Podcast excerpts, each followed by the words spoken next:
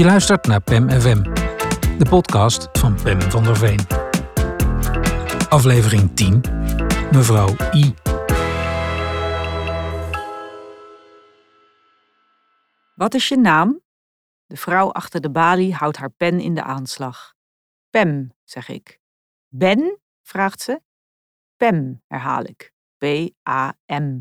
De vrouw knikt en begint te schrijven. Ik kijk naar haar papier.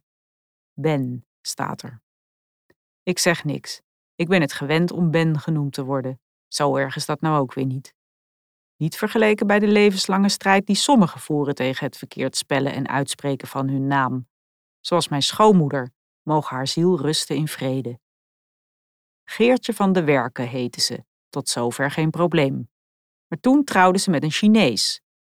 Sowieso al geen gebruikelijke stap in het Bennekom van de jaren 50, maar de naam die zij vervolgens moest dragen hielp niet bij de acceptatie. I. Dat was de achternaam van haar echtgenoot en voortaan dus ook van haar. I met IE, meer niet. Maar een naam die uitsluitend uit twee klinkers bestaat, dat wilde niet in bij de westerse mens.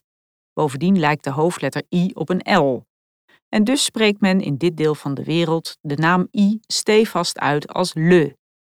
Ook een belachelijke achternaam, maar altijd nog beter dan die onnavolgbare keelklank. En zo kwam het dat Geertje na haar huwelijk door het leven ging als mevrouw Le. Goedemiddag, mevrouw Le, klonk het waar zij maar ging. Wat kan ik voor u doen, mevrouw Le? En mevrouw Le van de Werken, dat bent u? Maar mijn schoonmoeder liet het er niet bij zitten. Het is I, antwoordde ze elke keer weer, vriendelijk toch beslist. I met IE. En soms, bij de zoveelste le op één dag, riep ze: Zeg maar I hoor! Je hoorde haar stem dan iets overslaan, het enige teken van irritatie. Haar zoon Bing, mijn echtgenoot, heeft zich Le maar gewoon toegeëigend. Alle brieven en facturen voor de heer Le, de inschrijving bij de tandarts, de huurauto en de hotelreservering op naam van Bing Le, ze vallen hem amper nog op.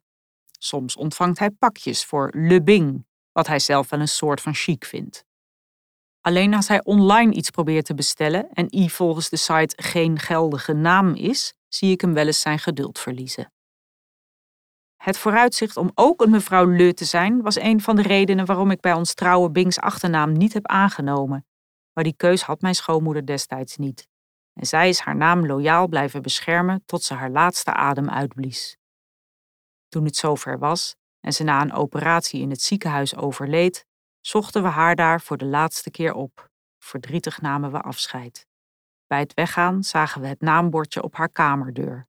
Mevrouw Le van de Werken stond er. Bing keek me aan met betraande ogen. Zeg maar I hoor, zei hij schor.